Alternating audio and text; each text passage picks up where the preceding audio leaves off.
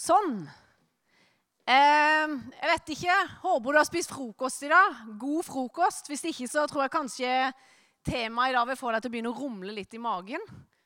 Temaet er jo faktisk det er du, er du sulten. Dere konfirmanter, jeg ser det på dere lang vei. Dere har hatt en lang frokost i dag med mye grovt brød og grønnsaker. Dere ser skikkelig opplagt ut. Ja, fikk et lite smil tilbake. Det er bra. yes. Noen eh, rister på hodet når du hører du er sulten. Noen nikker kanskje. Noen tenker å, nå hadde det vært skikkelig godt med en eh, Snickers. Men vi skal rett og slett snakke litt om mat i dag her på møtet. Eh, Bibelen den snakker jo ganske mye om mat, faktisk. Den snakker, eh, bruker mye brød. Jesus han spiser, spiser, mye med folk, og han bruker mye brød som bilde på ting han ønsker å fortelle oss. Aller først så har jeg lyst til å stoppe litt i eh, idrettsverden. Jeg vet ikke om åssen eh, du tenker på i forhold til idrett, men eh, her, her har du noen bilder av noen idrettsutøvere.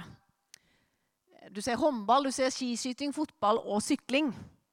Altså de folka her, For dem så er idrett det er jobben, jobben de lever av. idretten, Det er jobben deres på en måte.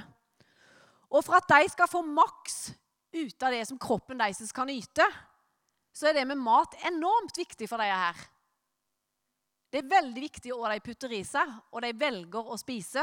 Det er stor betydning for hvor mye de klarer å få gi ut igjen. For eksempel så er det ganske spesielt eh, en syklist i Tour de France. Jeg leste om det for en stund siden. Tour de France det er et sykkelløp som foregår tre uker om sommeren. for du som ikke har hørt om det. Tre uker om sommeren sykler de. Eh, de har noen hviledager innimellom, men det er ikke mange. Det er ganske, ganske intensivt og en hard påkjenning for kroppen å sykle i tre uker. Eh, for at en syklist i Tour de France skal klare å holde på i tre uker, så er det helt avgjørende åssen mat han putter i seg. Og eh, jeg så en artikkel av vår egen Tor Hushovd fra Grimstad, som mange av dere sikkert har hørt om. Når han dreiv og sykla, så måtte faktisk han få i seg 8000 kalorier om dagen. Dette bildet her er bare med og illustrerer hva 8000 kalorier er for noe. Altså han, eh, han, spiser ikke akkurat Grandiosa. Eh, det er ikke det han putter i seg. Men det er liksom bare for at du skal få et bilde av hvor mye kalorier han må ha med i seg om dagen for å klare å prestere i Tour de France. Eh, det er for at han ikke skal gå tom for energi. Og så leste jeg jo at på varme dager, altså sommeren det er jo rimelig varmt, på varme dager så må rytterne i Tour de France ha i seg mellom seks og åtte liter væske. På en god dag så drikker jeg kanskje halvannen liter. Jeg er dårlig på å få i meg vann, rett og slett. Mellom seks og åtte liter, det er ganske mye. Og med kaffe innimellom òg, ja. Og dette her, 6-8 liter det var faktisk mens de sykla. Men så skulle de ha mange liter når de kom i mål òg. Åssen er det mulig, tenker jeg? Noen tenker at nei, dette her, det hadde gått fint. Null stress. Ikke noe problem å få i seg den mengden der. Men hør her, at et normalt, vanlig menneske som ikke beveger seg så altfor mye, eh, spiser ca. 2500 kalorier om dagen. Og du kan jo tenke deg i forhold til 8000. Altså, en idrettsutøver tar til seg riktig næring. Han lytter aktivt til treneren sin, kostholdseksperten kanskje, og legen. Men hør. Her er snakka om mat og, og maven trenger for å, eh, på en måte at de skal klare å yte. Det er faktisk ikke bare magene våre som er sultne. Og er det du og jeg fyller oss med? Nå tenker jeg ikke først og fremst bare på mat. Men la oss bruke det bildet på mat. Og er det vi fyller oss med? Det som vi velger å fylle oss med, det vil være med å vokse, det vil være med å forme oss. Du som konfirmant, det du fyller deg med, det vil være med å vokse i du og forme den du blir. Hvilke stemmer skal vi høre på? Hvem og hva ønsker vi at skal påvirke oss? Eh, du over 40 år har hørt om Bruce Springsteen. Han sang en sang som heter 'Everybody Got a Hungry Heart'. Altså oversatt alle, alle sammen, så har vi et sultent hjerte. Og så er det sånn at Hjertene våre når de er sultne, så prøver vi å fylle dem. Vi prøver å fylle dem med så mye. I Forkynneren Nå har jo dere konfirmanter fått bibler. I Forkynneren, det er en bok i Gammeltestamentet. Eh, sånn cirka rundt side 700, tenker jeg, hvis dere har lyst til å blake opp. Der står det i Forkynneren 3, 11, så står det Også evigheten har han lagt ned i deres hjerte. Og Forkynneren, den boka, der er det akkurat som at, eh, at han søker rundt og snakker om det at vi, vi kjenner på han føler på en lengsel etter noe mer. En glede som varer evig. En kjærlighet som ikke på en måte går sur. Eller der er noen lengter etter noe mer mening enn bare det å gå på skole og gå på jobb hver dag. Det er akkurat som hjertene våre lengter etter noe mer. Også evigheten har han lagt ned i deres hjerte, peker Bibelen på. Men hva er det egentlig vi trenger for å fylle hjertets lengsel? Hva er det vi trenger for å fylle hjertene våre?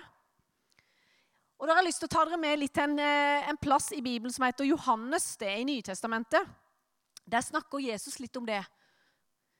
Eh, og vi kan se det i Bibelen i Johannes at igjen så er det med mat viktig for Jesus. Mange historier handler om mat.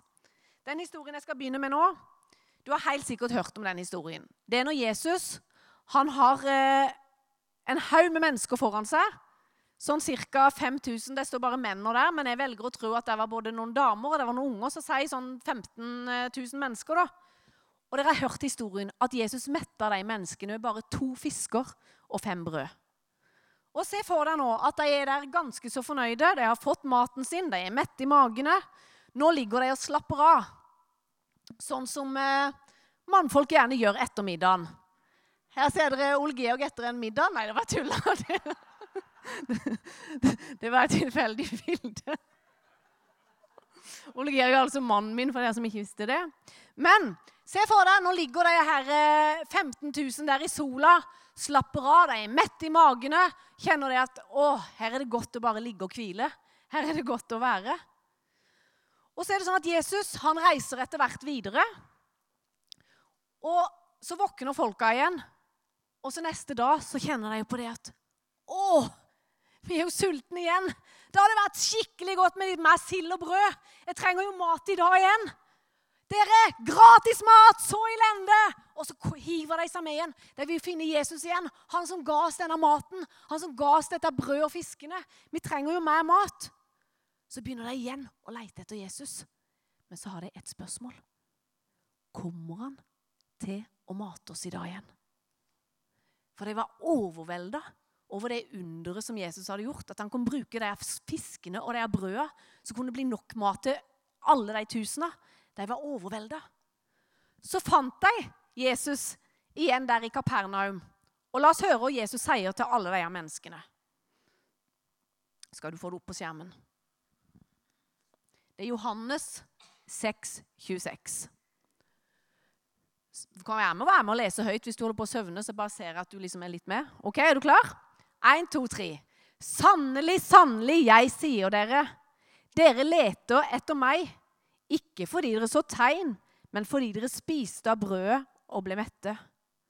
Arbeid ikke for den mat som forgår, men for den mat som varer til evig liv, den som menneskesønnen skal gi dere. Og dette her kan være litt vanskelig å forstå, men Jesus han ønsker å vise til et bedre måltid som faktisk er med å forandre livet som vil gi deg styrke og næring til livet på en helt annen måte enn bare det brødunderet gjorde. Det som folkemengden her var opptatt av, det var jo brødunderet. Men så sier Jesus videre Jeg er livets brød. Den som kommer til meg, skal aldri sulte. Og den som tror på meg, skal aldri noensinne tørste. Og så begynte jødene rundt der, så begynte jeg å klage litt på han. Ja, men hallo, du, du er jo bare Jesus, Josef sin sønn. Åssen i all dag skal liksom du kunne gjøre dette her? Så sier Jesus videre, 'Jeg er det levende brødet som kommer ned fra himmelen.' 'Hvis noen eter av dette brødet, skal han leve evig.' 'Og brød som jeg skal gi, det er mitt legeme, som jeg vil gi for verdens liv.' Vet dere noe? Vi bor i verdens rikeste land. Vi har det ufattelig godt her i Norge. Vi har tilgang på alt det vi kan tenke oss av materielle ting. Utvalget er stort. Og så viser all forskning at ungdom i dag røyker mye mindre, drikker mye mindre. Men allikevel så har det vært en stor økning blant ungdommer av depresjon de siste åra. Forskning viser at bruken av antidepressive midler blant ungdom den har økt noe enormt. Fra 2010 til 2016 så har økningen vært på 85% blant jenter fra 15 til 19 år. Dette er Apotekforeningens eh, bransjestatistikk. Helsesøster Lillian kan sikkert eh, si mye mer om den tingen. Men jeg tror hun er enig og at økningen har, har bare tatt helt av. Depresjon blant unge mennesker. Og jeg tenker at Vi kan tilsynelatende se veldig lykkelige ut på utsida. Men hvis vi alle sammen er dønn ærlige med livet våre, så kommer det dager der vi kan føle oss knust. Der vi kan kjenne på at livet går i stykker. At det ikke blir sånn som du hadde tenkt, sånn som du hadde håpt, sånn som du hadde drømt om. Du kan oppleve kanskje at du eller nær familie rammes av sykdom. Kanskje familie mister jobben økonomien ikke strekker helt til. Vet du noe? Da sier Jesus at det er en mat som kan være med og mette et sultent hjerte. Som ikke kan sammenlignes med alt det andre som denne verden kan gi. Men han ønsker å være en mat inn i våre liv, inn i dere ungdommers liv. Som er en helt annen mat. Han ønsker å vise at det fins et sted der du kan komme så du kan oppleve fred og hvile midt i det som kanskje du opplever kaos i ungdomstida di. Når ting kan være kaotisk, når ting kan se helt håpløst ut, så ønsker han å være mat inn i ditt liv. En som heter Augustin, han har sagt dette om vårt forhold til Gud. Jeg synes det er så fint. Han har sagt Du har skapt oss, Gud, til deg, og vårt hjerte er urolig inntil det finner hvile i deg. Jeg tror mange mennesker kjenner på en tomhet i livet. De føler seg utilfredse og på leiting etter noe som kan gi trøst, noe som kan gi håp, noe som kan gi hjelp, noe som kan skape glede. Og Jeg hørte en historie om en ung mann. Han hadde opplevd mye suksess i livet. Han hadde det egentlig helt supert. Men han kjente seg allikevel utilfreds, trøtt av livet. Selv om han kanskje hadde, hadde det i andres øyne helt supert og var vellykka. Men det var ingenting som fullt ut kunne gi en glede eller harmoni i livet. Han søkte hjelp hos en uh, psykolog og psykiater. Så fortalte han det om hvordan han opplevde det, hvordan han kjente på det innvendig. Så fikk han et råd. Så fikk han høre at du, det er et sirkus i byen nå om dagen. En klovn som jeg tror virkelig kan få deg til å le.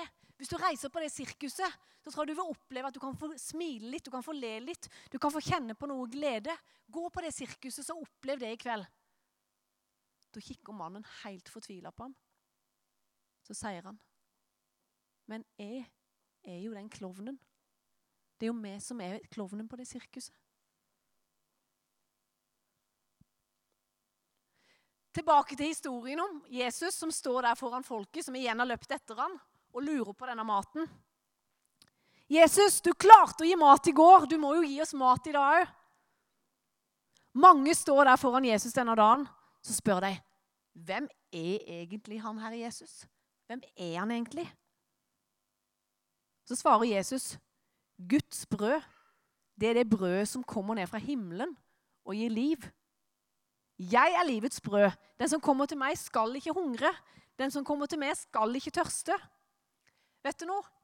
Jeg tror ikke på noe religion, men jeg tror på en relasjon. Et personlig forhold til Jesus. Altså, Jesus ønsker at vi skal få lov å gripe nåden og se Han som livets brød.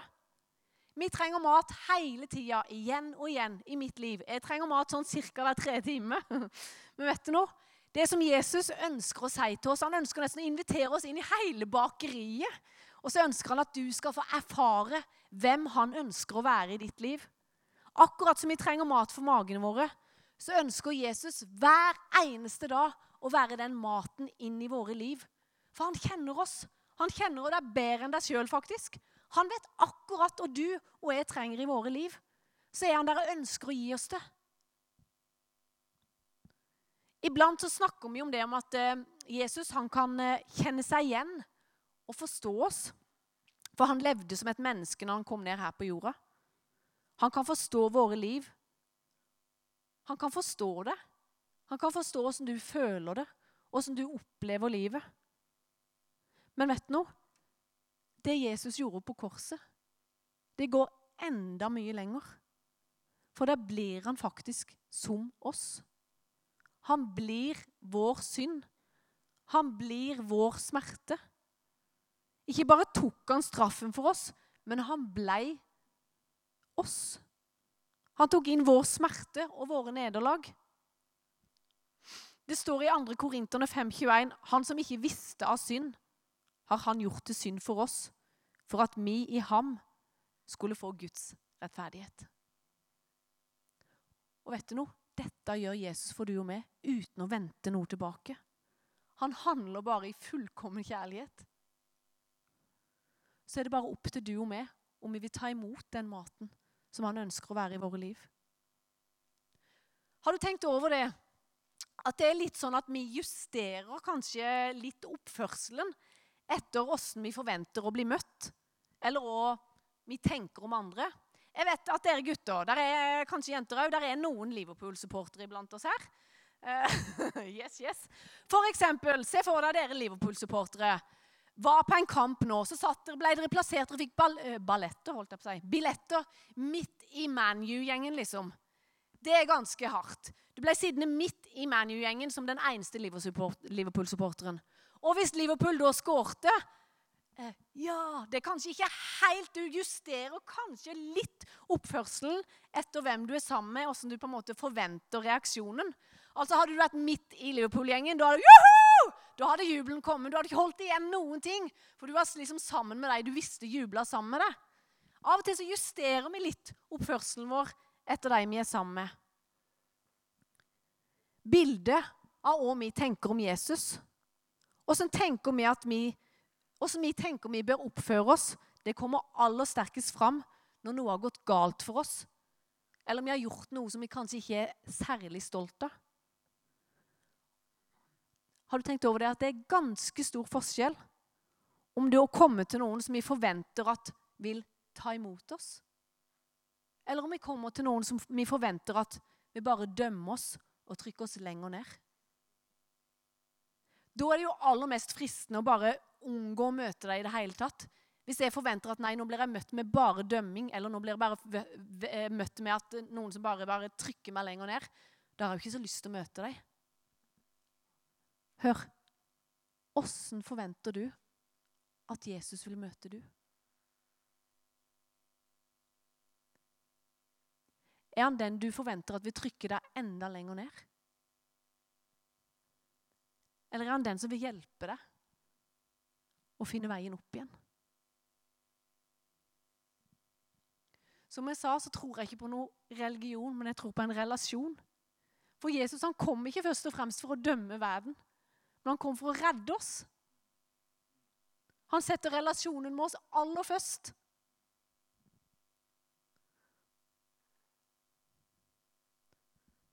Der med korset så møter vi en kjærlighet som ikke gir opp, som ikke trekker seg tilbake, og som ikke sorterer, men som tåler hele oss, og som ønsker å være mat inn i våre liv og dekke alle våre behov, tilgi all synd og gi oss et håp om et evig liv sammen med Han. Dere konfirmanter, jeg ønsker så å si til dere at Jesus han ønsker å være ditt håp der du kjenner at alt er håpløst. Da ønsker han å komme og gi deg håp, tanker om framtid og håp, sier han i Bibelen at han har. Når du kjenner deg svak, så kan du få oppleve at Jesus han kan være din styrke. I Guds rike er det helt omvendt. Der skal vi få lov å være svake for at han kan bli sterk i og gjennom våre liv. Når du kjenner deg motløs, så er han den som ønsker å komme og gi deg mot. Når du opplever at alt kanskje er bare mørkt, når du opplever kaos, så er han som kan gi deg ro. Han kan gi deg fred. Han ønsker å være maten inn i livet som du trenger. Og det handler heldigvis ikke om om vi får til på skolen eller jobben, om vi presterer, om vi fikser oss sjøl her i livet. Det har ingenting å si. Men det handler om om vi ønsker å fylle oss med, om vi ønsker at det skal bli mat i våre liv.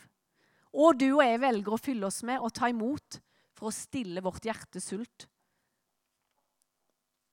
Menneskene rundt Jesus den dagen de lurte på, I vers 29 i Johannes så lurte de på men åssen får vi del i dette du snakker om? Åssen får vi del i dette brødet? Åssen skal vi gjøre? De tenkte fort på det med gjerninger. Hva skal vi prestere for å få til dette her? Men svaret Jesus gir, det er egentlig veldig enkelt. Han sier, 'Tro på Han Gud har sendt. Tro på Jesus.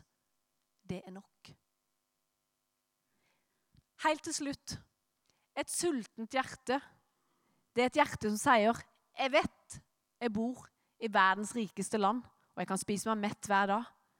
Men jeg ønsker å ta imot den maten som Jesus ønsker å være, i kjærlighet til meg. Når vi kjenner at det rumler her inne, ikke bare i maven, men vi kjenner at det rumler i hjertene våre, så det er en som står klar til å mette ditt hjertes innerste behov. Uansett hvilken situasjon du er i, så ønsker Jesus å være en del av livet ditt. Det er den maten jeg ønsker å anbefale dere konfirmanter. Og det er en mat som jeg kan stå her og si fordi jeg har fått lov å smake den sjøl. Derfor tør jeg anbefale det. Det er en mat som jeg har fått lov å ha i livet mitt i mange år. Som jeg vet at aldri råtner. Den tåler alle livets situasjoner. Og det er en trygghet å få lov å spise og drikke den maten hver eneste dag som Jesus ønsker å være inn i livet. Når en opplever at ting kan være utfordrende og vanskelig, så vet jeg at det er noe stabilt, det er noe trygt, og det er noe som bærer. Når jeg skulle forberede talen her, og så var jeg på bønnemøte Vi har bønn her hver morgen. Og når jeg satt her inne på bønnemøtet, så var det akkurat som jeg opplevde at jeg fikk et eh, bilde. Som jeg bare deler her nå. Det var som at eh, det var en person som var her inne på møtet, som hadde smakt noe av dette brødet. Som Jesus ønsker å være. Hadde smakt noe av det brødet, men så var det som det smakte mugg i munnen din. Det var som at du holdt på å spy når du hørte det her med Jesus, for det, det smakte rett og slett mugg. Og jeg vet ikke hva det kan være. Det kan hende at du har negative opplevelser i forhold til enten menighet, kanskje du har negative opplevelser i forhold til andre kristne og andre mennesker som har kalt seg kristne, har sagt eller gjort inn i ditt liv. Men jeg ønsker bare å si da at Jesus han ønsker å være noe ferskt, noe nytt brød inn i ditt liv i dag. Så kan vi be helt til slutt i sammen. Kjære Jesus. Jeg takker deg for at du er her sammen med oss. Takk, Jesus, for at du kjenner alle som er her inne. Du er like interessert i hver eneste en. Takk for alle de flotte konfirmantene som er her, Jesus, som eh, skal få lov å bruke et år i sammen med. Jesus, jeg takker deg for at du kjenner våre hjerter. Du vet våre hjerters lengsel. Og jeg takker deg Jesus, for at du ønsker å være den maten inn i våre liv som kan tilfredsstille vårt innerste. Jesus, jeg ber deg spesielt for de som kanskje opplever det at denne maten den har smakt muggent. Erfaringer i livet som har gjort at det er vanskelig eller det er vanskelig å tro på det at Jesus han ønsker å være noe godt inn i livet mitt. Men bare ber deg Jesus, om at du skal komme med legedom akkurat nå. At du skal bare komme inn i de menneskenes liv, og de skal få lov å kjenne det at du er god. At du er kjærlighet, og du er en god mat fra himmelen, Jesus. Jeg ber deg om at de skal få en ny smak av hvem du er, Jesus. Og jeg ber deg, Jesus, for alle som er her inne, som ønsker eller lengter etter å smake noe av du inn i livet. Om det er at de trenger mot, eller de trenger trøst, eller de trenger rett og slett å få lov å kjenne hvem du er, Jesus. Så ber jeg om at du bare må komme og vise deg nå, Jesus. Takk for det, Jesus, at du er interessert i alle sammen. Og takk for din nåde der du viste på korset. Takk at det kan få lov å være mat inni vår sjel. Jeg ber om at du skal velsigne resten av dagen. I Jesu navn. Amen.